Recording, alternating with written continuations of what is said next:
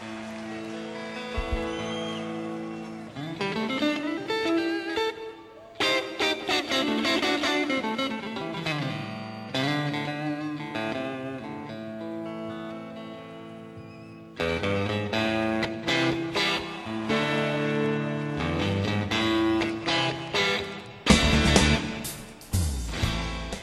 Saludos amigos, os habla Ramiro Espiño en nombre de todo el equipo. Comenzamos una nueva edición de La Trastienda en Pontevedra Viva Radio desde nuestros estudios en la calle Michelena de Pontevedra.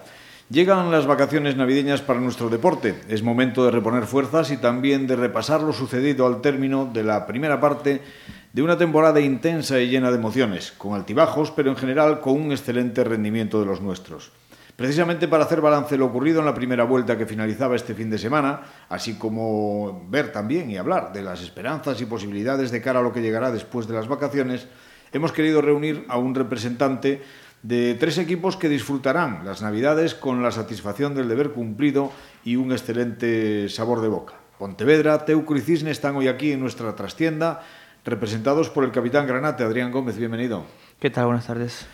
Por el equipo azul, que el sábado se acostó líder, nos acompaña otro día más su jefe de prensa, el periodista Edu Agulló. Muy buenas. Le habrás dado las gracias a los vecinos, ¿no? Sí, la verdad que bueno, una ayuda que no, que no viene mal y con 25 puntos cerrar la primera vuelta creo que sobresaliente para, para el equipo. En tu caso las vacaciones han sido desbandada general, porque todos los jugadores sí, están fuera. Sí, sí, entre que unos que no volvieron del viaje largo que hicieron a Cataluña y los que tenían compromisos y por la mañana hubo desbandada general, la verdad. Es lo que tienen los equipos grandes, ¿no? Sí, debe ser.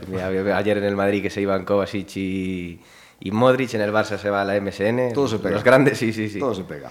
Y por el Cisne, uno de sus jugadores destacados en la victoria sobre el hasta ese momento líder, Zamora, su portero Pablo Galán. Enhorabuena, porque lo que has hecho el sábado no está al alcance de muchos. Eh, ¿Qué tal? Buenas tardes. Sí, una victoria importante para nosotros, un regalito que le hacemos al Teucro por Navidad. Bueno, algo, algo habrá caído ya. Yo me imagino que algún agradecimiento ha caído por ahí de, de los vecinos, ¿no? Alguno, alguno ha habido. Aquí Abuyo ha felicitado. Y alguno por Twitter también se ha visto. Solo felicitaciones. Sí. A ver, que, que, hay que darles en el puño, son la Virgen del Puño. Que... A ver, a ver, a ver si cae algo por Navidad. Una cestita o así. Bueno, Adrián, Pontevedra. Bueno, esto por supuesto hablamos de todo y de todos. Además, me consta que, que Pablo, por ejemplo, es seguidor acérrimo también del Pontevedra Club de Fútbol y habitual asistente al Fondo Norte de Pasarón. O sea que. Soy, soy, soy asistente. A, ayer estabas allí también sufriendo, ¿no? Estaba, estaba. Estaba sufriendo una pena ese, ese empate final. Adrián decía, eh, a la décima se rompió la racha, pero 28 de 30 puntos en casa es una pasada. Sí, es que la verdad que la gente está esperando la décima victoria, pero ganar nueve partidos en casa seguidos, la verdad que es casi al alcance de pocos. La verdad que sí que un empate en casa a veces sabe de derrota, pero la verdad que bueno, el equipo rival yo creo que estuvo muy bien, vino a hacer su, su partido y le ha salido bien. Bueno, tú no haces como, evidentemente, si no, no estarías aquí, no haces como los del Teucro, no, no eres equipo grande, entre comillas, y por lo tanto no te puedes ir a Argentina de vacaciones. Sí, ya me gustaría coger a mí un vuelo privado y, y estar ahí. Haber llamado a Messi, hombre, que a lo A ver, mejor te sí. daba plaza en el, en el, en el suyo, ¿no? Sí, sí, me da un lugar ahí. Bueno, eh, también lo son, además de una pasada, 37 puntos y cuartos en la clasificación. Vamos, que, pensando en clave Luisito, la permanencia teórica está a solo 8 puntos de distancia, o 7. Sí, bueno, en teoría eh, este, esta temporada el objetivo es, es otro, es mejorar lo que hicimos la, la temporada pasada y bueno, lo que estamos de la temporada pasada somos conscientes que, que hemos quedado cuartos también la temporada eh, pasada, pero bueno, luego la segunda vuelta ha sido de estar cuartos por la cola, así que esperemos que, esta temporada tener los pies sobre la tierra y desconectar un poco en vacaciones y, y reponer energías para lo, lo que viene, que va a ser muy complicado. Oye, ayer Luisito una de sus preocupaciones era los kilos. Pero no los kilos de dinero, ¿eh? sino con los que ibais a volver. A mí me ha dicho un pajarito que por cada kilo de más que os presentéis el día 26, 50 euros.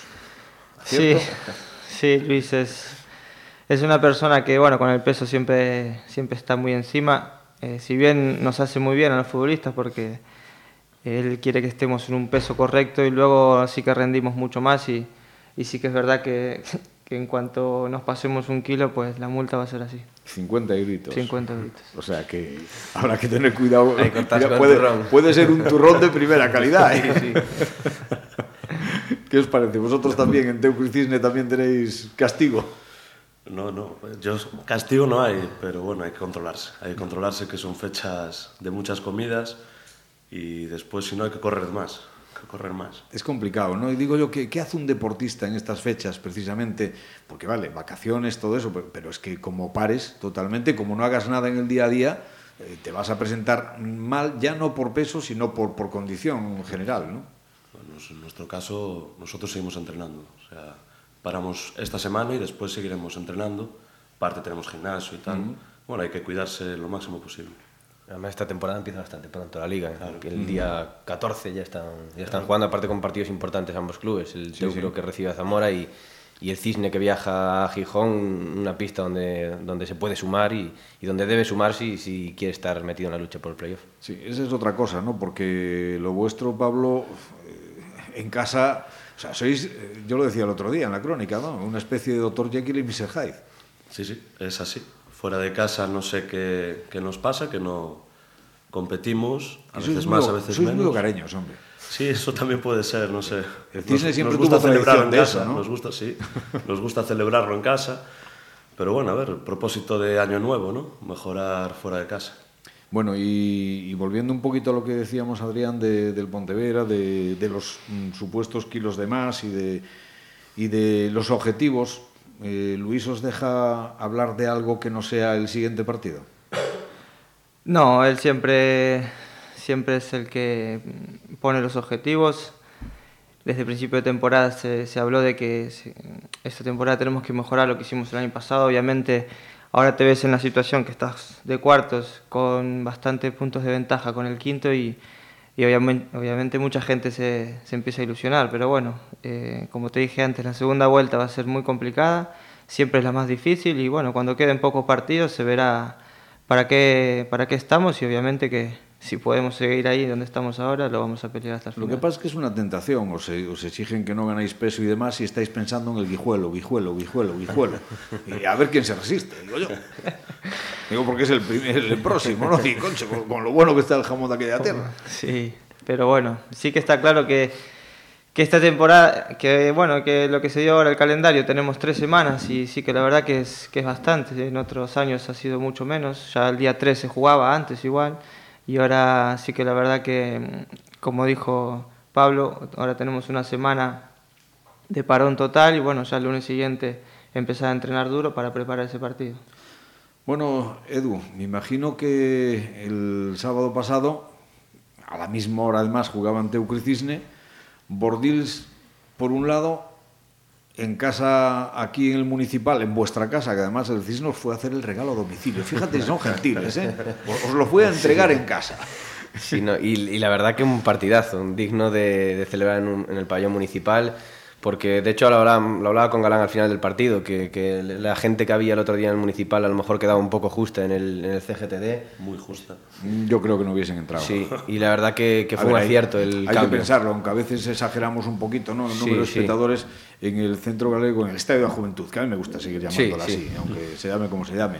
Más allá de 250, vamos, Mm. empaquetados y como en latas de sardinas. Sí, sí, este tipo de partidos que, que al final son los que la gente le gusta ir, porque el Cisne además tiene, como ya se vio el otro día, como se vio contra el Teucro, tiene opciones de ganar a este tipo de, de rivales. Eh, creo que ya se va haciendo un poco obligatorio el, el estar en el pabellón municipal y a lo mejor es algo que tienen que pensar si, si siguen en esta dinámica metidos en la lucha por el playoff de cara a los últimos partidos, porque si no se va a quedar pequeño el CGTD si, si la gente quiere empujar para que el Cisne esté en el Lo playoff. que pasa es que estaban los del Cisne, pero yo creo que había mucho teucrista, ¿eh?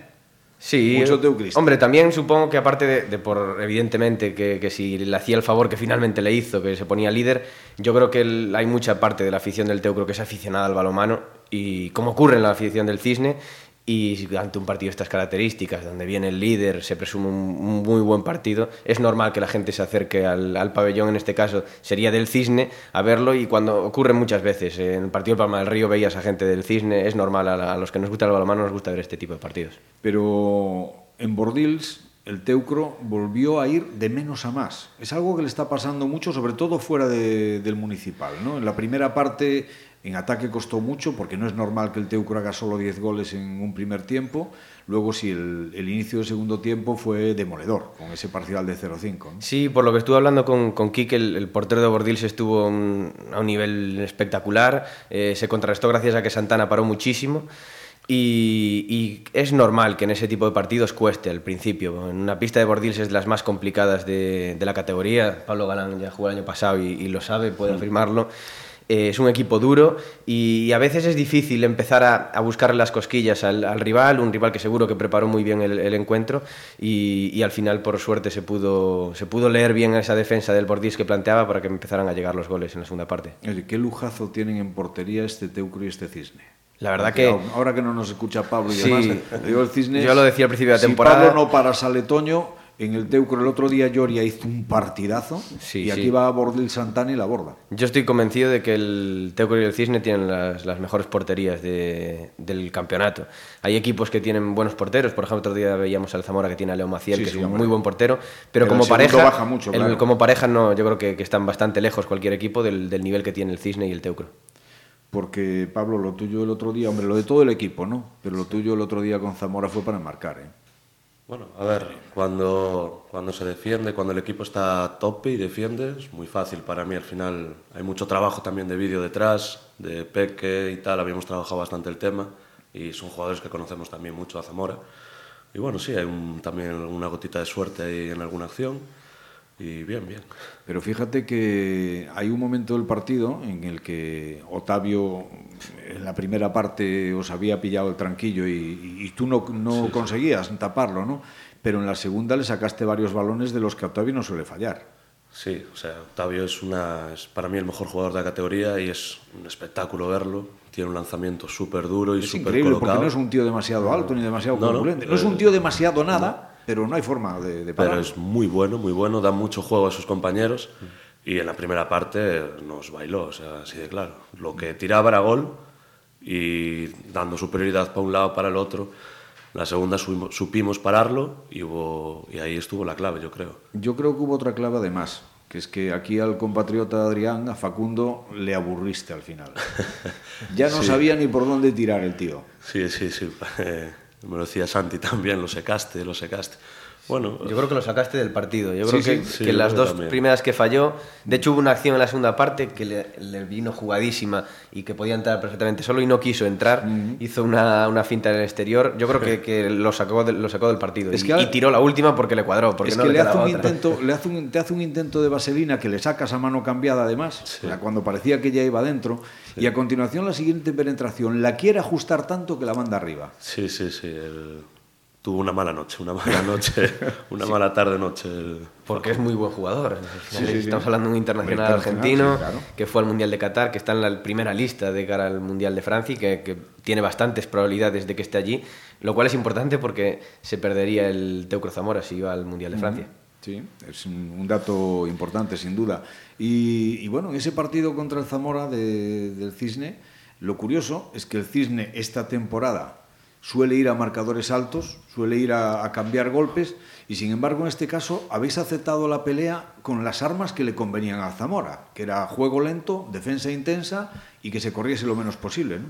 Sí, sí, hay, eh, no es normal, nosotros solemos eso, lo que tú dices, jugar a marcadores muy amplios, somos el equipo más goleado de la categoría, aún creo, pero, pero bueno, eh, aceptamos eso, ellos tienen muy buena defensa y supimos leerlas a veces atrancados, a veces acertados, pero bueno, un, una suerte y hay que, hay que combatir con lo, como se puede. Yo sinceramente hubo un momento en que pensé que el partido se os escapaba. Cuando a falta de seis minutos y algo os ponéis uno arriba, estuvo el partido siempre muy igualado, nadie se fue de más de dos goles nunca, pero tenéis hasta cinco, creo que seis ataques para hacer el segundo y no había manera. Y luego de repente a ellos faltaba poco más de minuto y medio y se ponen uno por arriba. Sí, que bueno. Sí el, la suerte del campeón que, que, que ah, aparece, ¿no? Eso, eso, yo también lo pensé, yo dije, oh, luchando todo el partido y es, el líder siempre tiene esa suerte, ese golpe de suerte y bueno, al final no, al final le dimos la vuelta, al final le dimos la vuelta. Pero bueno, apareció ese gol con polémica de, de José Canedo, ¿no? que fue muy protestado No, por... de Galloso, de Galloso, de Galloso, sí, perdón, de Pablo. Galloso, sí. Que Pablo Maciel, o Leo Maciel Sí, protestó- protestó mucho. Bastante. Hubo otro en la primera parte que os dieron en contra vosotros también, que también Claro, anduvo ahí, claro, ahí, sí, ¿no? un contraataque que da en la línea, bota dos veces en la línea. A mí me han dicho que la línea yo no lo vi bien. Pero bueno, polémica para los dos lados. Sí. Pues eso, con 15 segundos por delante, que vamos, que atacaban ellos con 34, tiempo muerto, pierden el balón, os quedan 15 segundos, montáis una contra, buscáis el impar por el extremo genial y Javi Vázquez que no perdona. Pero aún quedaba un último suspiro, ¿no? Porque ellos lo intentaron de lejos y ahí estuviste muy centrado, que es difícil para sacar ese Eh, sí, último sí. tiro. Estaba yo pensando ahí, como la falla ahora, sacamos. me, me mueren a palos aquí. Pero bueno, bueno, balón tampoco sin complicaciones. Bueno, y a ver, háblanos también algo más que de balonmano. ¿Cómo viste ayer al Pontevedra? Ya, díselo aquí a Adrián. Muy bien, yo, muy bien. Eh, al principio les costó entrar, después, a ver, pocas ocasiones de gol, pero bien juego, desborde por bandas, que falló ahí, faltó el último, el último toque, el, empujar el balón. El portero de ellos paró dos, tres muy buenas que hubiesen abierto el marcador y después ahí ya el Pontevedra estaría suelto, desatado, como suele ser normal. Pero bueno, una pena ese empate, como decía aquí, que parece que, que un empate en casa no vale, pero bueno, es un puntito.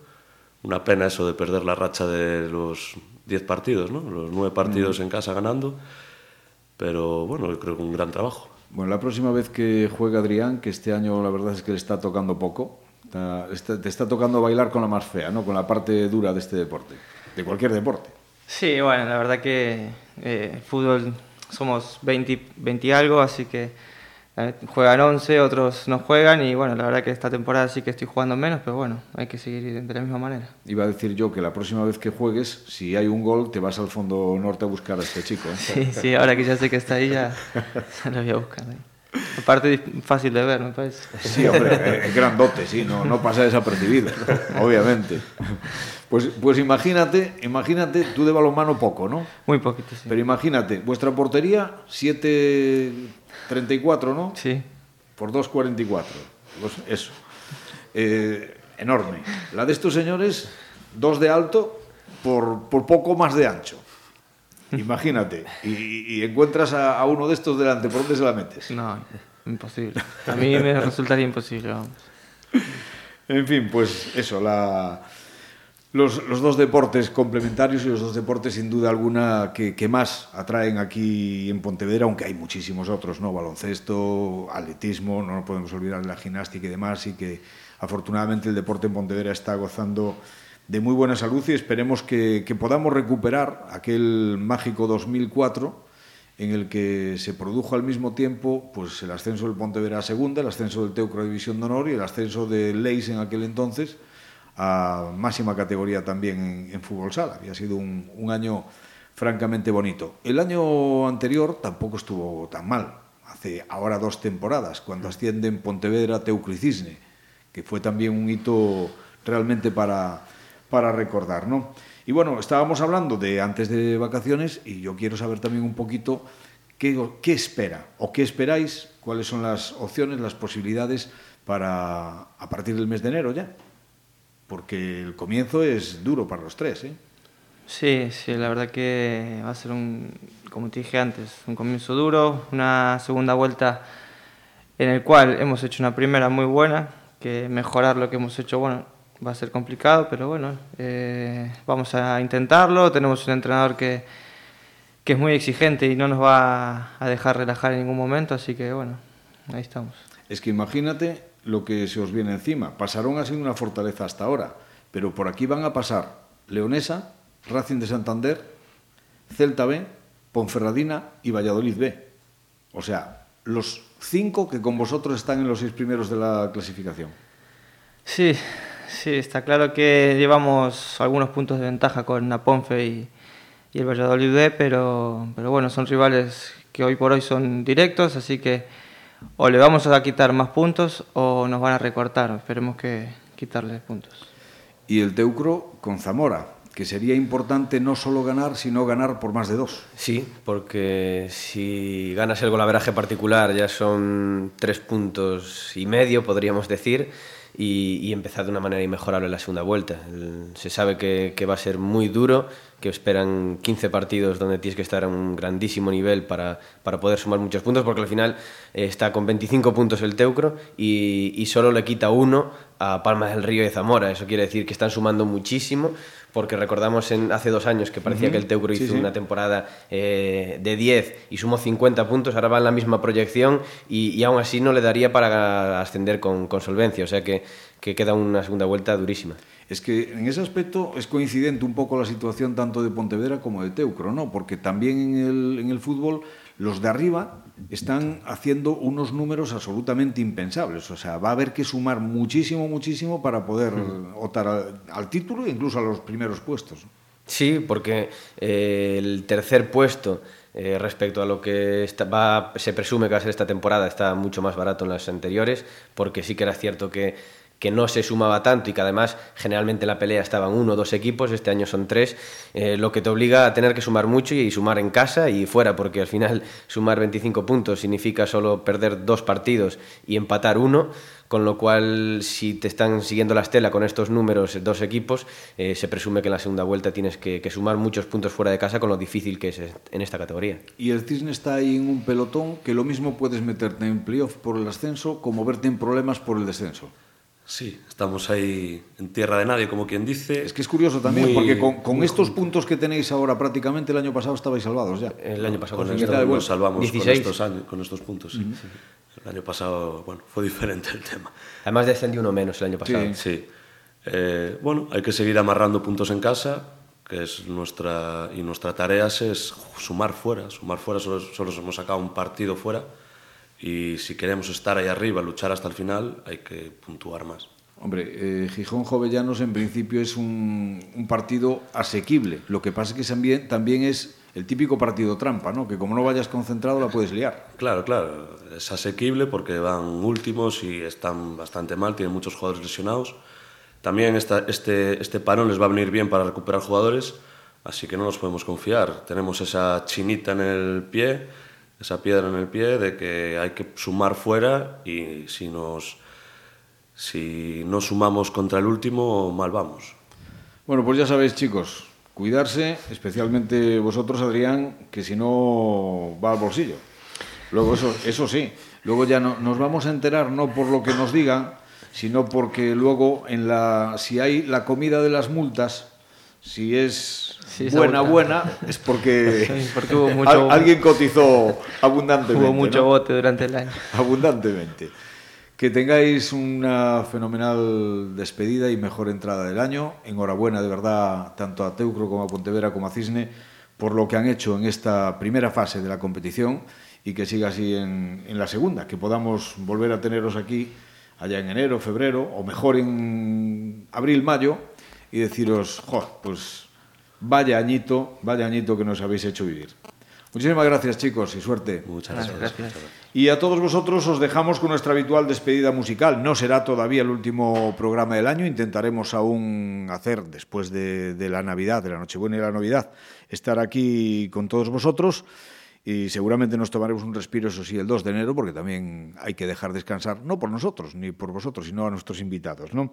Y por lo tanto os dejamos ya con nuestra habitual despedida musical, que en esta ocasión viene en plan melódico y especialmente romántica, como corresponde a estas fechas, ¿no? Se trata del tema central de la película Don Juan de Marco, Hey You Ever Really Love a Woman? ¿Alguna vez has amado a una mujer? Traducido al cristiano.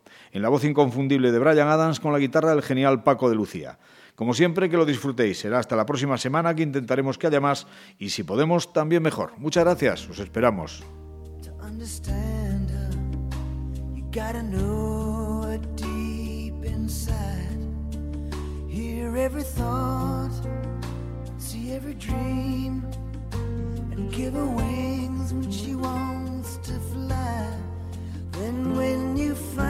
yourself lying